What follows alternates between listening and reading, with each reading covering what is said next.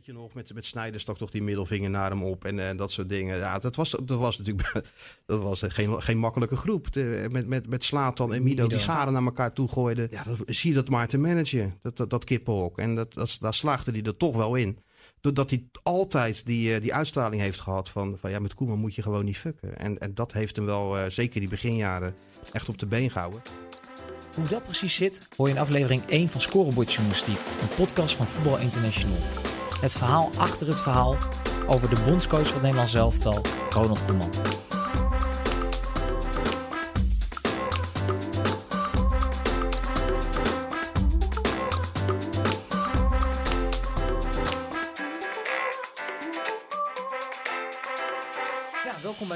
Allereerste aflevering van Scorebord Journalistiek. Een podcast waarin we de voetballiefhebber een kijkje achter de schermen geven. De, hoe komt het artikel tot stand? Wat schrijft de verslaggever wel op? En ook vooral, wat schrijft hij niet op? En waarom we eigenlijk ja, dit artikel aanraden om uh, te lezen deze week. We beginnen met het artikel De Nieuwe Generaal. Een portret van bondscoach Ronald Koeman, opgetikt door Tom Knipping, hier aanwezig. Evenals uh, Martijn Krabbedam, Oranje Watje van VI. Heren, welkom. Allereerst even de vraag, uh, allebei al jaren werkzaam bij VI. Uh, neem ons even mee, wanneer hebben jullie Ronald Koeman voor het eerst ontmoet? Wanneer heb je voor het eerst met hem te maken gehad, Martijn? Nou, het echt te maken gehad, dat, dat moet ik uit mijn hoofd 2004 geweest zijn, toen Ajax uh, kampioen werd. Ook weer na een tijdje. En ja, dat, dan maak je zo'n special, hè, zoals we dat met elke club doen die, die kampioen wordt. Dus ook toen met Ajax. En de afspraak was dan een interview met, met Ronald Koeman. En volgens mij ging ik daar naartoe met, ik dacht Taco van der Velde uit mijn hoofd. Was jij dat? Ik weet het niet eens meer. Nee, ik heb hem later leren kennen. Oh, je hebt hem later leren kennen. Dus uh, ja, wij naar Ajax en dat interview doen met uh, de restrictie. Dat moet dan geplaatst worden zodra die titel binnen is. Dus wij doen dat interview en dan zit je toch wel gehouden twee uurtjes in de, toen nog de, de Amsterdam Arena in zo'n kantoor. En Koeman ja, sprak over hoe, die, hoe het kampioenschap tot stand was gekomen. En, en uiteindelijk concludeerde hij wel dat het zijn titel was. nou ja, dat was ook de, werd ook de kop van het verhaal. Dit is mijn titel. Alleen Ajax moest nog eventjes tegen NEC spelen om naar een punt te pakken en kampioen te worden.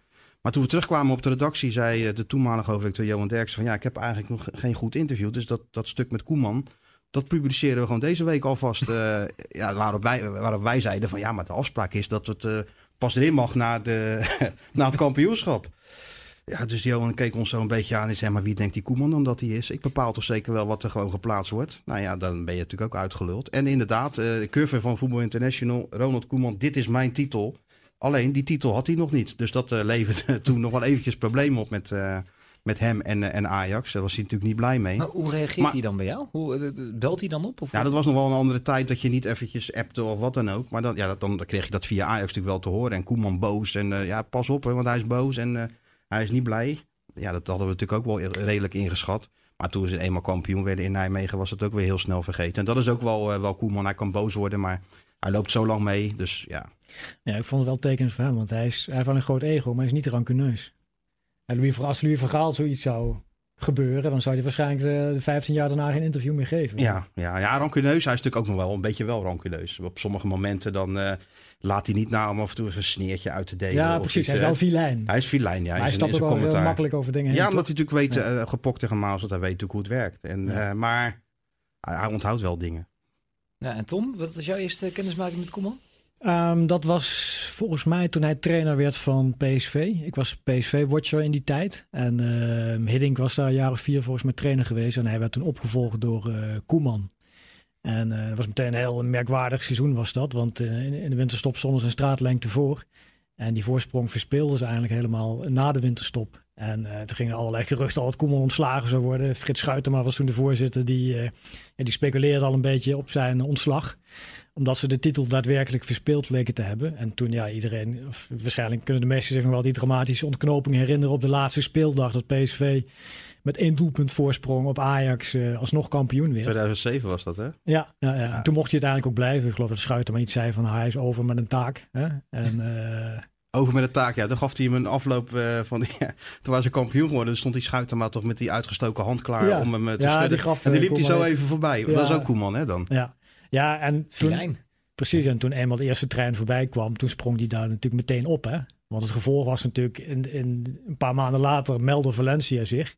En toen heeft hij die bekende uitspraak gedaan van nou, deze trein komt maar één keer voorbij en ik spring erop. Maar dat was natuurlijk ook met de achterliggende gedachte nog dat hele gebeuren bij PSV. Dat hij een beetje door, eh, ja, door het bestuur eigenlijk in zijn hemd eh, was, uh, was gezet. En de Valencia heb ik hem toen ook nog wel eens opgezocht en daar ik nog wel een aantal keren geïnterviewd. Dat is ook mooi hè, dat hij dan toch kampioen wordt op dat moment. Dat is, ik denk dat het ook wel typisch Koeman is hoor.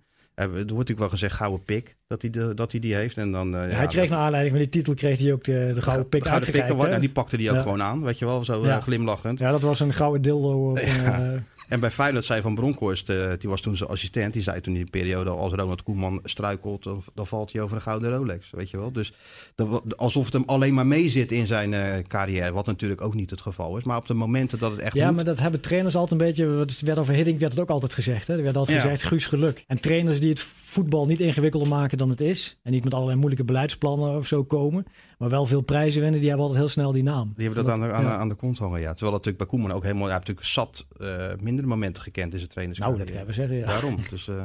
Ja, dat, dat, duiken we zo zeker nog even in. Uh, het artikel in VI en op VI Pro, dat is een portret. Uh, Tom, je hebt meerdere portretten gemaakt van... Ja, dat is onderdeel van de serie is het. Precies, ja. ja. markante personen in de voetballerij. Um, en daar ja, leren wij toch echt een ander persoon kennen. De, de, eigenlijk ook wel de man achter de trainer. Wij zien hem voor de camera na een wedstrijd. We lezen een keer een interview in VI en dat is het wel. En toch even een paar anekdotes die dan opvallen van dat je denkt van... Oké, okay, dat is anders dan wij weten. Ik heb, uh, uit je artikel uh, heb ik gehaald... Niet lang na het behalen van zijn rijbewijs droomt hij ervan dat hij een Ferrari kan kopen. Niet eens zozeer omdat hij liefhebber is van dure spullen, maar meer om op te vallen. Ronald Koeman is een bravoure jongen die op zijn vijftiende de show stilt in de disco. En als tweede heb ik hier staan, in God gelooft hij niet, wel in zichzelf. Ja, oké, okay. en in de vriend die uit bijgeloof voor wedstrijden in dezelfde stoel wordt neergezet om een glas wijn te drinken. Neem ons even mee in het proces van het schrijven van het portret, want dit heb je niet na afloop van een wedstrijd Estland-Nederland nee. Het doel van die portretten is ook om uh, de werkwijze en het karakter van een persoon uh, te verklaren. Uh, en niet zozeer zeg maar om een werkwijze te beoordelen. Je, vaak met portretten wat dan gebeurt is dat een aantal vrienden en een aantal vijanden worden gebeld en die quotes achter me, worden achter elkaar gezet. Ja, dat is dus niet wat ik wil. Heel veel van die persoonlijke, van die grote voetbalpersonalities, die worden natuurlijk ook dood geïnterviewd. Dus ik wil hem proberen een andere kijk te bieden en uh, ja, te verklaren wie de persoon is en waarom die bepaalde beslissingen maakt. En dat is eigenlijk de achterliggende gedachte. Hoe ga je dan te werk? Je gaat natuurlijk ten eerste gewoon, we hebben hier bij VI uitgebreide archieven. Dus we gaan natuurlijk eerst uitgebreid uh, bekijken wat er allemaal is. Uh, soms zijn er ook documentaires van mensen, die bekijk ik natuurlijk allemaal. Nou, naar aanleiding daarvan ga ik mensen bellen. Wat ik dan altijd vraag is in ieder geval uh, aan die mensen om een anekdote te geven die in hun ogen kenmerkend is voor de persoon. Normaal als je mensen over personen gaat vragen, dan gaan ze altijd heel snel hun mening geven. Of ze komen natuurlijk met heel veel feiten die al bekend zijn. Dat vind ik dan minder interessant. Maar ik vraag altijd naar in hun ogen treffende anekdote. En als je dan een hoop mensen belt, dan kom je altijd wel op een aantal leuke anekdotes die je kan gebruiken voor zo'n uh, voor zo'n artikel. Uh, ik maak relatief weinig gebruik van quotes. Uh, zeker niet als mensen in de naaste omgeving betreft. Want ja, vaak zijn ze heel voorspelbaar. Mensen zijn toch bang ook om. Ja, het zijn natuurlijk ook machtige persoonlijkheden in het voetbal. Dus mensen zijn toch bang om echt een mening te geven. Dus meestal is eigenlijk off the record. En als ik een quote gebruik, zijn het vaak mensen die wat verder van afstaan. Maar die wel goed zeg maar, kunnen analyseren of verklaren. Dus uh, meestal komen met twee of drie sprekers in een stuk voor. Maar dat is dan meer functioneel dan, uh, dan dat ik mensen uitgebreid wil laten vertellen over uh, hun mening over, over een persoon te geven. Maar, maar hier gaat toch heel veel tijd in zitten dan? Dit is toch geen artikel wat je in twee dagen even bij elkaar Nee, het kost natuurlijk meer tijd dan een, inderdaad een interview uitwerken. Dus je, bent daar langer mee bezig. Maar het zijn ook, kijk, je maakt natuurlijk ook niet iedere week zo'n artikel. Hè? Het is vaak één keer in de zes, zeven weken dat we een aflevering publiceren. We hebben eentje over Overmars gehad, Den Haag. Dik Advocaat, Hans Nijland, Martin Vergeel en nu Koeman. Dus uh, in zes maanden hebben we er ongeveer uh, zes gehad. Dus zeg maar, ja, of iets, volgens mij iets langere tijd zelfs nog. Dus geen artikel wat we iedere week uh, maken. Je moet er gewoon wat meer tijd voor nemen. Ja, precies. En, en de, de, kijk, de voetballer Koeman kennen we. Op een gegeven moment wordt hij trainer. Vind ik interessant, Martijn. Jij, jij volgt hem dus al heel lang. Mm -hmm. Um, in het artikel van Tom lees ik, uh, met zijn ongekende drive om bovenaan de apenrots te staan, begint hij aan het trainersvak. We lezen dat hij gekeken heeft naar Gullit, Rijkaard, de jongens met wie hij gevoetbald heeft, die op een gegeven moment langs het veld staan, die trainer zijn geworden. En noemt het zelf noemt hij het een kronkel in zijn hoofd. Is het logisch dat hij trainer is geworden? Tuurlijk, um, maar om even op dat stuk terug te komen wat jij net zei. De, de, ja, de Koeman uit de jonge jaren, die herken je natuurlijk nog steeds. Dat, hij is wat dat betreft eigenlijk heel weinig veranderd, vind ik. Wat in, in uh, Southampton Of in eh, Everton reed hij ook in een, uh, in een Bentley met het nummerbord Koeman de 04, wat je eruit kon, kon opmaken. Dat kan in Engeland, hè. Dan kun je een beetje je, je nummerplaat kopen. Hij vindt dat gewoon, hij vindt dat mooi. En inderdaad niet de spullen op zichzelf, maar hij houdt er gewoon netjes uit te zien en een bepaalde uitstraling te hebben. En, en ja, dat is, dat is onveranderd gebleven. Was het vroeger een Ferrari, dan is het nu een, ook een mooie auto. Ja, dat, dat, dat in, de, in, in het leven van Koeman hoort dat ook bij, uh, ja, bij de status van een, van een trainer of een, of, of een manager. En het gaat inderdaad om, ja, hoe zeg je dat? Bovenaan de rots noem je het. Hè? Hij is wel echt de baas natuurlijk als, als trainer. Dat is wat mij opviel toen hij bij, bij Feyenoord kwam. Natuurlijk voor die tijd een aantal trainers meegemaakt. Voordat hij kwam zat Mario Been daar. Nou, dat was een, een, iemand die echt stond tussen die spelers. En, en, en een arm om de schouder. En uh, dat was de werkwijze van hoe, hoe Been het probeerde. Ja, en toen kwam Koeman en toen veranderde gewoon echt meteen alles. Eh, die stond er meteen boven die groep. De allereerste training, kan ik me nog goed herinneren, was er een positiespelletje. En, en deed eigenlijk nooit mee. Maar Koeman ging gelijk eh, dat meedoen met dat positiespel. En nul keer balverlies en een paar passes er tussendoor en zo. Dat je die spelers ook meteen zag denken van... Uh, zo, ja, die, hij, hij kan het nog. Hij dwingt meteen wat af. Hij, hij dwong meteen wat af. En door, door dat te doen, maar ook door heel zijn, uh, heel zijn uitstraling en zijn presentatie. En later zeiden de spelers van Feyenoord dat uh, Koeman tegen ze had gezegd... Mijn deur staat voor jullie altijd open. Als er problemen zijn, hoef je maar even binnen te komen. Er is nooit iemand binnen geweest. Ja, dat is bij Ajax zei hij dat ook, hè? Ja. Toen met Snijder van de Vaart uh, destijds. Slatan had hij ook wat problemen meegelopen. Ja, ja, daarbij, bij Ajax had hij natuurlijk wel een hele lastige speler. Ja, maar dan zei hij dat ook altijd. Mijn deur staat open. Maar ja, het is geen man op wie, wie zomaar afstapt. Hij heeft toch een bepaalde blik, uh, afstandelijke blik eigenlijk. Een ja, autoritaire en, uitstraling. Maar voor het Feyenoord van toen, uh, die, ja, die ploeg was tiende geëindigd. Die hadden tien verloren bij PSV in Rotterdam hing er een sfeer van, ja, dat gaat weer niks worden dit jaar. Wat moet Koeman er nou van maken? Maar juist door het vertrouwen dat hij uitstraalde, dat gaf die spelers wel iets, iets extra's. Daar konden ze zich wel aan optrekken. En ik heb dat volgens mij wel vaker gezegd. Ik kan me herinneren dat, dat, dat Feyenoord was goed begonnen aan de competitie. Gewonnen van Roda, geloof ik, en van Excelsior. Dus het ging, uh, ging vrij aardig. Alleen ja, toen kwam de eerste grote test naar, eh, naar, naar de Cruijff Arena, naar Amsterdam om tegen Ajax te spelen. En dat was in voorgaande jaren natuurlijk een, eh, een, een opdracht geweest. Er werd altijd, konden ze kiezen, 2-0, 3-0, 4-1. Het was, het was altijd onmogelijk om daar een resultaat te halen. En die spelers voelden en wisten dat ook. Dus die bus die kwam dat arenadek opgereden. En, en, later zeiden die spelers ook van, ja, we even toch een beetje in de, in de bus zitten. Van ja, camera's stonden klaar, een paar supporters.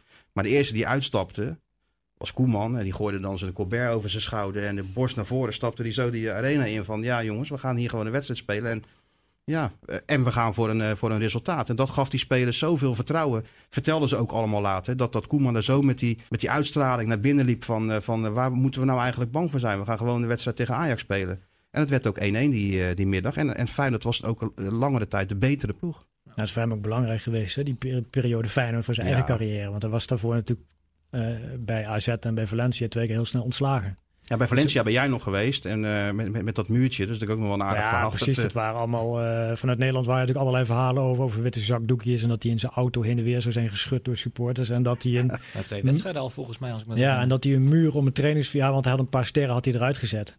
Ja, een paar sterspelers. Dat was de dus- opdracht ook, hè? Dan ja, dat was opdracht van het bestuur. En vervolgens kwamen ja, die, die sterspelers hadden natuurlijk bevriende journalisten. Dus er kwam meteen een enorme druk in de kranten. Uh, en er was ook een verhaal dat hij een uh, muur om het trainingscomplex uh, gebouwd zou hebben. Een soort vesting waardoor niemand daar meer kon komen. Dus ik was daar in Valencia om Koeman op te zoeken. Ik reed naar het trainingscomplex toe. Nou, dat muur, nou, de, die, die, vesting, die was er eigenlijk helemaal niet. Het was een muurtje van een meter hoog. ik denk van twee meter breed en een meter hoog om te voorkomen dat de auto's niet meteen door konden rijden naar zeg maar, de hoofdingang van een trainingscomplex. En dat er even een controleur neergezet kon worden van ja, wie ben je en wat kom je hier doen, et cetera. Want daarvoor was het dus zo dat iedereen zo naar het trainingscomplex kon doorrijden en eigenlijk zo naar binnen kon lopen. Dus ja, was een, was een muurtje van, ja, van een meter hoog. En eh, maar ja, in de kranten stond dat er een, een, een vesting om het trainingscomplex Berlijnse gebouwd muur. was waar niemand meer terecht zou kunnen komen. Maar die trainingen waren ook gewoon openbaar. Alleen er stonden ook allemaal supporters en allerlei media stonden er. Alleen de jeugdspelers konden niet meer uh, kijken. Dat die niet over dat muurtje heen konden kijken. Dat, ja, de, enige dat enige, ja. ja. Maar het grappige is dat hij won daar wel een beker met, met, met Valencia. En dat is natuurlijk ook grappig, want toen, uh, ik, ik, weet niet of het, nee, dat was, nou, vorige... was tot, tot, tot voor kort was dat de laatste prijs van nou, Valencia. Dat, dat was ook mooi, want uh, de, de afgelopen interlandperiode of die daarvoor, ik weet het niet, Valencia heeft natuurlijk weer de beker gewonnen. En het was voor de Nations League volgens mij. Dat, uh, toen Koeman daar wegging, had hij gezegd, ik ga hier nu weg, maar het duurt nog echt wel een jaartje of tien voordat die ploeg een keer weer wat wint. En inderdaad, afgelopen periode bij Oranje in Zij stond hij langs de kant van het veld. En hadden we het erover. Valencia toch beker gewonnen. Hè? Hij zei, ik heb het toch gezegd. Het gaat weer tien jaar duren voordat, het, voordat die club weer een keer wat wint. Dus dat zit dan nog steeds in zijn achterhoofd, weet je. Ja, maar in die periode had hij wel moeite met de negatieve naam die hij inmiddels in Nederland had opgebouwd. Want uh, ik kwam er, een van de eerste dingen die hij zei was ook van, ja, eh, Volgens mij maakt in Nederland iedereen zich zorgen over Ronald Koeman. Maar ik kan vertellen over Ronald Koeman hoeft niemand zich zorgen te maken, want het gaat heel goed met Ronald Koeman. ja, in de episode, ja. Maar bij Feyenoord zei hij ook van, ja, mensen vinden het blijkbaar leuk als het niet goed gaat met Ronald Koeman. Dat zei hij toen in het eerste interview dat ik met hem had bij, uh, bij, uh, bij Feyenoord. En een jaar later kon hij al bondscoach worden. Ja, maar, maar dat, dat vind ik interessant, want, want het schetst Tom ook heel goed in het artikel. De, de, de eerste tien jaar is hij eigenlijk heel succesvol, want eigenlijk overal waar hij komt, pakt hij prijzen. Maar ik heb de indruk dat hij juist nu in die laatste periode... dat hij het respect krijgt waar hij eigenlijk altijd naar op zoek is geweest. Ja, omdat hij die prijzen natuurlijk pakte met, met clubs waar je het ook wel van kon verwachten. Kijk, als hij kampioen bij Ajax wordt, dat is, dat is prima. Maar het is geen uitzonderlijke prestatie. En, en een beker met Valencia winnen kan ook, et cetera. Maar als hij Feyenoord reanimeert, die ploeg was echt... Uh, dat, dat, daar gaf niemand een stuiver meer voor. Die waren tiende eindig, wat ik net zei. Ja, en die worden gewoon een jaar na Koeman tweede. Met, met best goed voetbal. En, en dat, dat heeft in Rotterdam zoveel losgemaakt. Ja, Feyenoord telde weer mee. Het was weer een topclub. En, de, en de mensen hebben dat gezien. En ja, Koeman heeft daar onmiskenbaar een hand in gehad. Dus dat, dat, dat is gewoon echt een knappe prestatie. Ook al was het geen prijs. En daarbij bij het Nederlands zelf, dat doet hij natuurlijk exact nu weer hetzelfde. Hoe, hoe, belangrijk vindt hij dit zelf? Hoe belangrijk vindt Ronald Koeman de waardering die hij nu krijgt? Want ik proef van jou dat hij in het begin misschien wel moeite heeft gehad met dat hij zo werd neergezet. Niemand hoeft zich zorgen te maken over Ronald Koeman, al dus Ronald Koeman. Ja, Hoe belangrijk vindt hij dat hij nu wel de waardering krijgt? Ik denk dat ieder mens dat toch belangrijk vindt en, en prettig vindt. Maar ik denk als je hem diep in zijn hart kijkt, dat hij toch het liefst prijzen wint. Ja, dat is belangrijker dan waardering? Ja, het is gewoon een winnaar. In alles, in alles is het een winnaar. Hè? Of het nou de, de houding is naar die spelers van Feyenoord. en, en, en een heel seizoen, hè. Uh, ik kwam me Kidetti herinneren. Dat was natuurlijk de sterspeler van, uh, van, van Feyenoord. Je had Pelle, ook de topscorer en de sterspeler.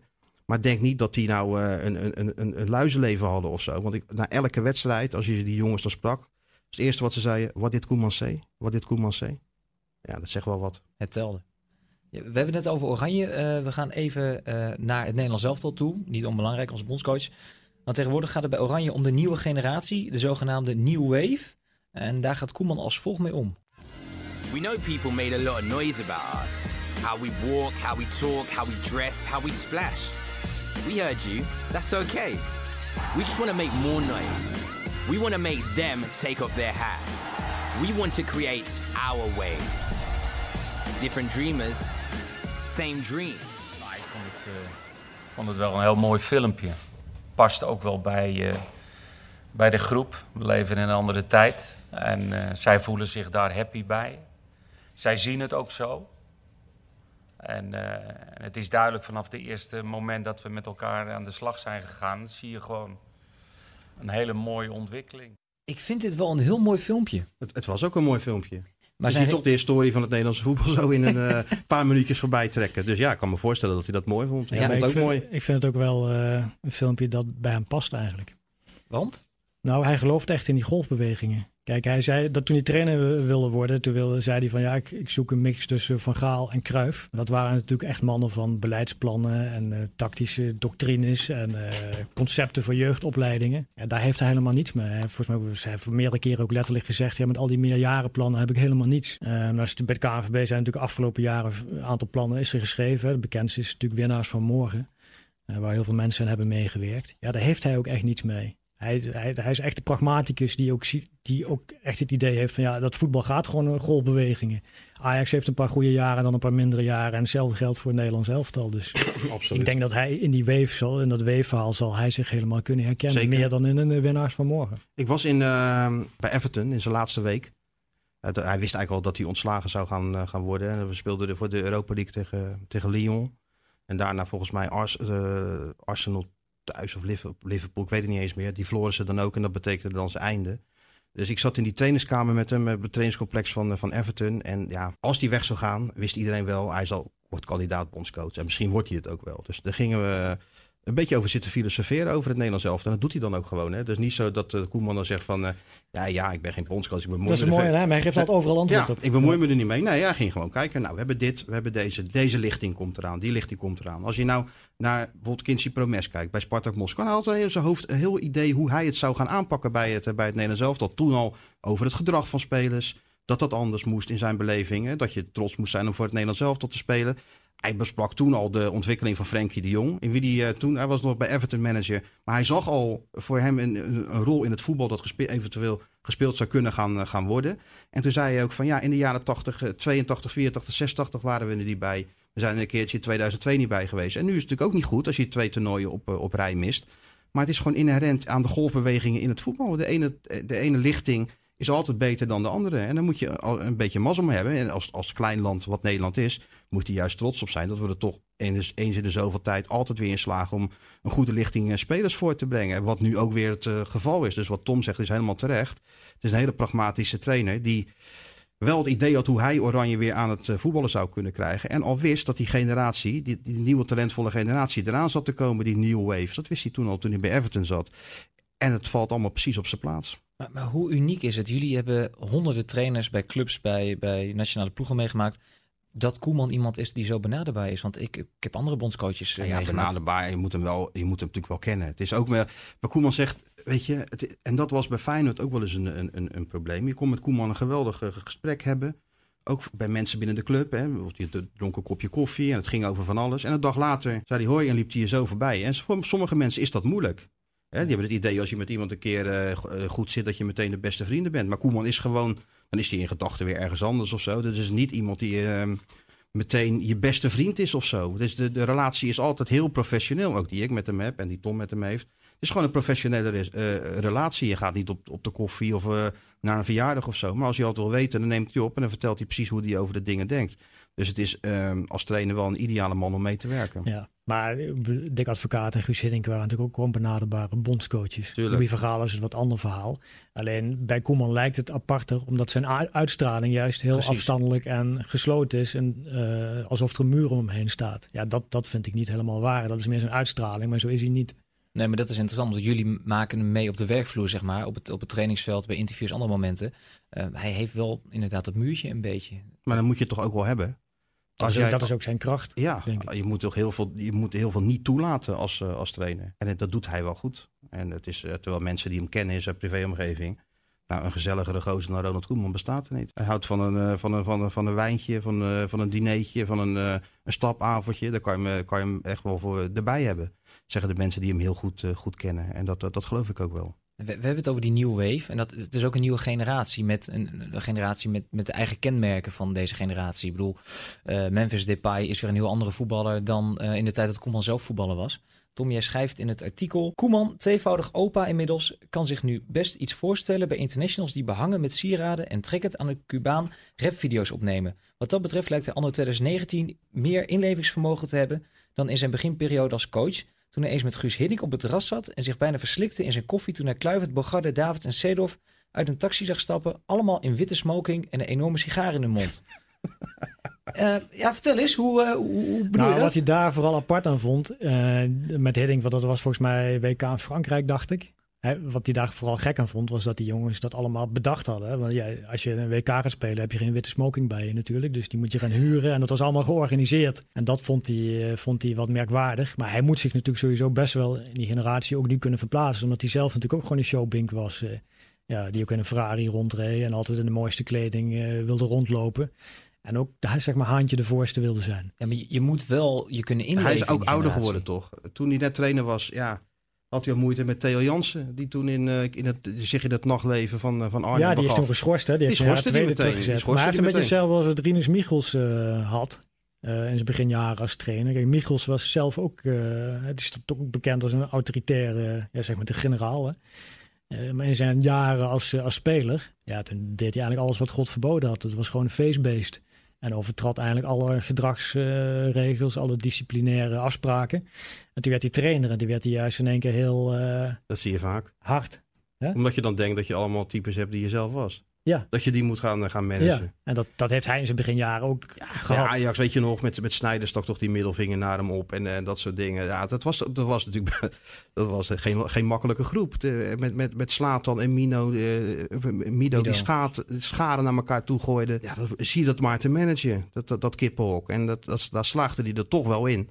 Doordat hij altijd die, die uitstraling heeft gehad van, van ja, met Koeman moet je gewoon niet fucken. En, en dat heeft hem wel, zeker die beginjaren, echt op de been gehouden. Plus dat die Ajax ook al in die tijd in de Champions League natuurlijk tactisch zo goed neerzetten dat ze, dat ze altijd wel resultaat wisten te halen. Maar hij is geen discipline fanaat. is geen discipline Van. Gaal bijvoorbeeld is. Hij is wel ook altijd wel voor bepaalde vrijheid van spelers geweest. Omdat hij, omdat hij zelf ook zo was. Ja, nou, je moet Hij het, niet, je moet het niet misbruiken. Nee, want hij zocht inderdaad zelf ook die ontspanning. Hè, van regelmatig stappen, sigaretje roken. Maar dan moest je dus 's morgens wel staan. Hè. Dan liep hij 's morgens liep hij gewoon voorop. En dat wil hij ook van zijn spelers zien. Ze mogen best wat eh, doen. Maar dan moeten ze ze wel terugbetalen uiteindelijk op het veld. Ja, ook weer pragmatisch. En, Ook, ja. en, en, maar uiteindelijk gaat het natuurlijk om resultaat. En als dat goed is, dan, dan, dan gaat heel veel vanzelf. En daarvoor hangt Koeman ook zo erg aan, aan resultaat. Ik, kan me, ik weet ook niet meer wie het was, maar iemand die eh, op de bank zat bij een wedstrijd van Ajax. Volgens mij was het tegen Arsenal, dat ze gelijk speelden. Weet jij dat nog uit je hoofd? Ik heb dat niet zo snel voor de geest. Voor de Champions League toen, dat het 1-1 werd. Dat ze vo- vo- volledig werden weggespeeld. Oh, PSV. eh, Nee, nee, Ajax. Toen hij meteen was van Ajax in de Champions League, werden ze volgens mij uit bij Arsenal helemaal van het kastje naar het muur gestuurd. En het werd uiteindelijk 1-1, want ze stonden de hele tijd 1-0 voor. Dat was PSV was het volgens mij. Nee, was, was, Ja. was, was, Ajax, weet ik nog. De hele tijd stonden ze 1-0 voor. En dat Koeman op de bank zat en zo naar rechts keek en zei van... eh, we gaan hier nog een resultaatje weghalen ook. Weet je wel, zo van... eh, het is niet verdiend, maar dat, we pakken het wel eventjes mee. En ja, dat, dat is ook wel weer kenmerkend voor hem, vind ik. Dat eh, resultaat boven alles, gewoon heilig. Meer nog dan het voetbal dat gespeeld wordt. Wat Tom zegt, heel pragmatisch. En dat, dat, dat kenmerkt Koeman ook wel, vind ik. Ja, je hoeft voor hem geen verhandeling over de Hollandse school te beginnen. Dat heeft geen zin. Nee, daar heeft hij gewoon weinig mee. Het gaat hem echt puur na 90 minuten, of in dit geval kwalificatie, EK halen. Ja, Wat, wat, wa- wat is zijn toekomst? Want hij is nu 56. Hij eh, heeft ontzettend veel gedaan als trainer. Nou, Barcelona is een toekomst, hè? Punt. Denk ik wel. Ja, wat moet hij nog? Is dat nog, want dat was vroeger zijn droom. Dat is, daar heeft hij gespeeld, dat is zijn droomclub. Daar heeft hij een huis, heeft hij daar volgens mij eh gekocht. Het is gewoon, nog- het is, het is, hij heeft een huis ook nu, inderdaad, wat je zegt. En het is natuurlijk altijd een droom geweest. En die verdwijnt niet ineens. Dus even in de koelkast gezet in de periode dat, het- dat, het, dat het minder ging. Maar toen hij zichzelf weer op de kaart zette, Feyenoord, Southampton, eh, Everton, maar nu vooral bij, eh, bij Oranje. Ja, borrelt dat natuurlijk ook wel weer op. En zeker omdat de liefde wederzijds is. Hij is natuurlijk geweest toen, toen, toen met, met Cruijff, toen, eh, toen hij overleed, is hij terug geweest natuurlijk in Barcelona voor die, eh, voor die eh, herdenking, et cetera. En dan sprak hij natuurlijk al die, al, die, al, al die mensen van de club weer. Als je, hem over, je kan hem over alles vragen, maar als hij over Barcelona begint te vertellen en die periode met, met Cruijff, zijn buurman destijds in, in, in, in, in de stad, ja, dat, daar kan hij uren over praten. Toen, toen Cruijff overleed ben ik ook... ehm, speelde Oranje in Engeland. Daar ben ik nog naar Koeman gegaan in, in Southampton. En hebben we het 2,5 uur lang alleen maar over Cruijff en Barcelona gehad. Dat zit zo diep bij hem. Dus als hij nu de kans krijgt, en ik sluit niet uit dat die kans ook komt, want afgelopen zomer was er al sprake van dat het, eh, dat het eventueel zou kunnen gaan gebeuren. Dan geloof ik dat, eh, dat Koeman het wel zal gaan doen als hij eh, de kans krijgt. Evolueert met de KNVB na twee jaar, dat is vlak voor het EK. Nou, stel dat Oranje zich plaatst, en die, die kans is natuurlijk ook heel groot. Ze spelen een goed toernooi. Wat is een beter moment voor hem om dan te beslissen naar Barcelona te gaan als de kans zich aandient? Weet jij het dan? nou ja, dat is ongetwijfeld zijn ultieme droom. Hè? Dat heeft hij zich de laatste jaren wat minder uitgelaten. Maar in zijn eerste jaren als trainer natuurlijk tot in en treuren. Alleen ja, bij zo'n club als Barcelona is het natuurlijk ook vaak politiek. Hè? Dan gaat het vaak over vicevoorzitters. Er zijn verkiezingen en die, die komen dan met allerlei namen. En je weet natuurlijk nooit in hoeverre zo'n club echt geïnteresseerd is. Want ja, je moet natuurlijk wel eerlijk zijn. Dus, die, die absolute topclubs, die kijken ook vaak ook wel een beetje naar de prijzen die de laatste jaren zijn gewonnen. Feyenoord eh, heeft hij Barcelona toch niet echt. Als je kijkt, eh, ze nemen Valverde en ze nemen daarvoor die, eh, nog die, die, hoe heet die, die, die Argentijn hebben ze nog eventjes gehad. Eh, ja, Koeman is daar natuurlijk nog steeds gewoon de, de, de meester. Als hij daar landt de- en hij wordt gespot, hij kan gewoon niet over straat. Het is natuurlijk gewoon echt een grootheid daar. Hij heeft ze de eerste Europa Cup bezorgd toen. En dat vergeten de mensen niet. Hij is daar natuurlijk belangrijk geweest. Alles meegemaakt. Ja, als, als, als, als Koeman daar kandidaat is, dan zullen al die sportkranten zullen het ook gewoon steunen. En dat is natuurlijk ook niet onbelangrijk. En als hij gewoon een goed EK met Nederland rijdt, toch ook? Dat werkt toch mee? Ja, maar ook de. Kijk, Koeman krijgt Frenkie de Jong wel aan het voetballen. Heel kort gezegd. En wat voor verder dan niet lukt. Nu is het ook moeilijk omdat eh, dat zijn concurrent het natuurlijk geweldig doet van, eh, van de Jong. Maar hij, het lukt hem wel. Dit- Zo kijken die Spanjaarden ook. Joh, toen eh, naar die wedstrijd tegen Duitsland. Ja, die social media in Spanje ontplofte. Heeft van verder gekeken, heeft van verder gekeken. En dus het is natuurlijk voor Barcelona. dus zij zien de band met Nederland ook. Ik was daar bij de presentatie van Frenkie de Jong. Ging het alleen maar over de band Nederland-Barcelona. En dat ze met Frenkie de Jong weer een speler hadden uit, eh, uit het land van Cruijff. Ja, een, speler, een trainer uit het land van Cruijff, die nog met Cruijff heeft gewerkt. Ja, dat telt daar natuurlijk ook wel. Dus ik sluit echt niet uit dat het gaat gebeuren. We zijn benieuwd. Ehm, het, het is, Tom, het is een heel erg lijvig stuk geworden. Het is echt een heel erg mooi, goed portret geworden.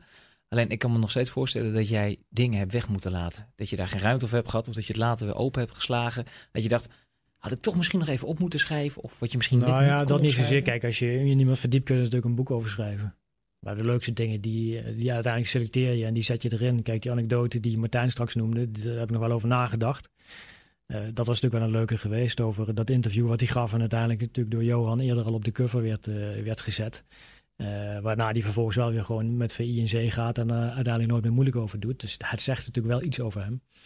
Eh, dat had ik op zich nog wel een aardige gevonden. Kijk, de treffende anekdotes die ik krijg, die gebruik ik gewoon. Ik ga niet allerlei dingen, dan gebruik ik ze gewoon off the record, zeg maar. Maar ik ga niet allerlei dingen weglaten. Die te mooi, die eigenlijk het meest treffend over hem zijn. Dus wat ik heb weggelaten is eigenlijk allemaal minder dan wat er nu staat. Ja, en, en Martijn, eh, ik las eh, over een, een jonge jongen die eh, lege flessen inleverde om daar weer geld van te maken. En ik, ik leesde iemand die bij Vitesse besloten trainingen invoerde. Heb jij nog nieuwe dingen gelezen in het verhaal van Tom? Of ben jij zo'n ontzettende Koeman-kenner dat het voor jou... nee, allemaal- zeker wel nieuwe dingen. Uh, ab- absoluut. Alleen die dingen, met, als je die nu plaatst in de tijd van, van, van waarin we leven en hoe die nu is. Ja, dat was, zo was hij vroeger eigenlijk ook al. Dus hij is niet iemand die eerst zo was en toen helemaal veranderd is. Natuurlijk heeft hij als trainer natuurlijk een, een ontwikkeling Ja, doorgemaakt. precies. Hoe hij Ik met geloof- spelers omgaat, et cetera. Ja. Maar het karakter, karakterologisch, is het nog exact dezelfde Koeman als die die op, Ja, op jonge leeftijd was. geldt gewoon feite- winnaar. Dat geldt in feite voor iedereen van wie je een portret maakt. Hoor. Er wordt vaak gezegd dat iemand extreem veranderd is of zo, maar dat gebeurt gewoon niet. Nee. Elke die verliest zijn haren, maar niet zijn streken. En dat geldt ook voor Koeman. En, want er wordt nu heel vaak gezegd, weet je wel, van Koeman is een totaal andere trainer geworden. Nou, dat is helemaal niet zo. Het is, gewoon, het is eigenlijk gewoon pertinente onzin. Tuurlijk, hij is wat ervarener geworden. Hij heeft hier en daar wat bijgeschaafd. Maar hij is nog steeds diezelfde pragmatische, eh, harde trainer die gewoon op discipline hamert. En ah, best wel wat vrijheid geeft. Maar die wel wil dat je er op het veld terugbetaalt. En anders krijg je gewoon problemen met hem. En wat hij ook altijd doet, is ook gewoon de grote jongens aanpakken. hè. Het is heel makkelijk om iemand aan te pakken die laag in de hiërarchie staat. Maar hij pakt altijd die jongens bovenaan. eh, dus daarom hebben ook al diverse aanvoerders een band ingeleverd onder Koeman. Maar bijvoorbeeld uh, Virgil van Dijk bijvoorbeeld heeft hij afgelopen jaar nog aangepakt. Nou ja, de Europees voetballer van het jaar nu. Maar eh, dat is natuurlijk op zich is, is dat wel sterk aan hem. Ja, en, gelijk na afloop in de kleedkamer. Hè? Na die eh 2-1 van eh, Giroud, eerste wedstrijd Nations League in, in Parijs. Ja, hij zag natuurlijk die 1-1 al. Hij denkt, nou, dat is lekker. 1-1 tegen de wereldkampioen. Na de fase waar het Nederlands elftal uitkwam met alleen maar ellende. Dan pak je toch een punt in Frankrijk. Ja, toen kwam eh, Giroud met zijn voet voor Van Dijk. Nou, Ja. in de kleedkamer is het- heeft hij hem wel helemaal verrot gescholden. Even een statement maken. Even gelijk een statement, waar al die spelers bij waren. En na afloop ook gezegd van, we hebben lekker meegedaan. Het heeft 1-1 gestaan. Maar we winnen niet of we pakken geen punt. Dus ook dat is, heeft hij, Ja, heeft ook de mindset veranderd Ja. natuurlijk. Bij Feyenoord deed hij dat er ook met De Vrij. Die was toen toch ook aanvoerder. En nu noem je het ook een soort jonge juffrouw die de hele tijd op de grond lag. Ja, dat klopt. Dat heeft ja, dat ook, ja. En eh, die trainde dan voor zichzelf, waar Koeman niks van wist. Nou, die kon meteen zijn, eh, zijn aanvoerdersband eh, inleveren. Dus ja, dat is het. En, en tegelijk, als Pelle bij Twente uit een, de koud in, in drieën schopte, stuurde Koeman hem even op vakantie. Dus hij wist heel goed hoe hij met spelers, eh, hoe hij het, beste, eh, het meeste uit spelers kon halen. Het is niet voor niks dat ze allemaal vroegen van eh, wat, wat dit Koeman zei. Ja, nou ja, dat ze het belangrijk vonden hoe hij hoe die over ze dacht. En dat, en dat merk je ook aan een Van Dijk die dat dus ook tolereert. De bondscoach roept iets. Die zet hem eigenlijk een beetje te kijken voor de hele groep. Nou, Maar die te kijken, hij zegt gewoon hoe, het, hoe, hoe het zit. Kun je ook één op één doen. Ja, maar Hij is- gebruikt, hij zo is gebruikt de Koeman si- niet. Hij gebruikt de situatie natuurlijk ook om een statement te maken. Ja, en hij wist ook dat hij het bij Van Dijk kon maken. Want hij heeft hem natuurlijk, hij- sterker nog, hij heeft gewoon de carrière van Van Dijk gelanceerd. Hij was de coach uit de Premier League die het in Van Dijk zag zitten. En bereid was 15 miljoen pond in hem te investeren door hem van Celtic te kopen. En toen is het voor Van Dijk begonnen. En sindsdien hebben ze natuurlijk een aparte relatie. Want als Van Dijk bij, bij Southampton en, en later Liverpool een foutje maakte... en hij meldde zich bij Oranje, stond Koeman hem al op te wachten bij, eh, bij de ingang van de poort. Van, eh, opletten tegen Manchester City. Hè? Geen slijdings in de 16, dat soort dingen. Dus hij Ja. hield hem wat dat betreft wel scherp. Ja, Cruijff deed dat natuurlijk ook bij Koeman. Exact. Hè, die, maakte hem, die pakte hem ook eigenlijk als hardste van iedereen aan. Maar tegelijk hadden ze een hele goede relatie. Dus Cruijff wist ook dat hij dat kon doen bij Koeman. Ik denk dat Koeman het minder snel zou doen bij Memphis Depay bijvoorbeeld. Want die geeft hij naar buiten toe juist heel veel vertrouwen. Hij voelt aan wie wat nodig heeft en bij wie die iets kan doen. Ja, dat is ook een mooi. Met Cruijff is natuurlijk ook een mooi verhaal. Want het was, de, was zijn buurman. En in de tijd dat eh, Romario naar Barcelona kwam, mocht je er maar drie opstellen. En dat waren er vier, met Lauderoep nog erbij. En eh, volgens Koeman, die vertelde toen dat de Spaanse kranten... een heel die voorbereiding was natuurlijk koren op de molen schrijven... wie is nou de buitenlander die op de bank komt te zitten? En iedereen dacht, nou, dat zal die wel zijn, maar niet Koeman. En later hoorde die van Tony Bruin Slot dat Cruijff tot anderhalf uur voor de wedstrijd... eigenlijk niet wist wat hij moest doen. En toen maar besloot om Koeman op de bank te zetten... Met als reden van, ja, hem kan ik het uitleggen. Nou, Koeman die kwam binnen, ik vertelde dat hij de kleedkamer binnenkwam. Die zag zijn nummer niet bij de basis. Ja, die werd helemaal gek. En dat hij na afloop van de wedstrijd kwam Cruijff naar hem toe en zei... kom, we gaan even een hapje eten. En dat is hij toen meegegaan, maar Ja, Cruijff- met tegenzin. En, Ja, maar, dat- dus dat kan me Cruijff goed zei toen dat hij voorstellen. dat kon maken omdat Koeman mentaal het sterkste was. Ja, Van die- van gelijk een groep, complimentje eh, nog even, weet je wel. Ja, maar ja, voor Koeman was het wel een belangrijk compliment. Want die is, dat is van nature iemand die eigenlijk heel makkelijk in, meegaat in een groep van rustig aan. En we gaan even een feestje bouwen. En daar, eh, eerst bij Ajax en bij Barcelona is hij eigenlijk echt gevormd. Tot iemand die zich ook meer in het keurslijf van zo'n, van zo'n ploeg en allerlei regelgevingen kon handhaven. Ja, dus ik denk dat hij heel veel van, eh, van dat soort dingen, van Cruijff bijvoorbeeld, dat hij dat, dat, dat hij dat nu toepast. Inderdaad, wat Tom zegt op Van Dijk. M- Mooi dat die cirkel rond is. Hey, tot slot nog even één anekdote waarbij ik dan nog wel een vraag heb. Eh, ik lees in jouw stuk, Tom.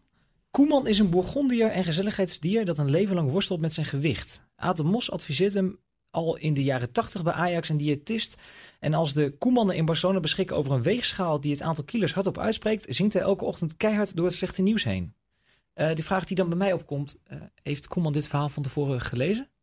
Eh, ja, uiteraard. Dat doe ik met al die portretten. Want ik, ja, A, je wil natuurlijk wel dat men zich erin herkent. En B, er kunnen natuurlijk ook nog feitelijke onjuistheden in staan. die je dan zou kunnen voorkomen. Dus ja, ik leg het altijd wel iedereen voor, ja, voordat Nee, het verschijnt. Nee, maar je begrijpt, kijk, er- zijn hele mooie passages in, ook hoe die als, als mens is en hoe die verandert en wat hij gedaan heeft. Maar dit, dit best... Huwelijkstip ook niet te vergeten. Wat zei sorry? Nog een huwelijkstip staat erin, ook Oh. niet te vergeten. Kijk, Eh, Ik eh, betwijfel of hij het helemaal heeft gelezen. Hè?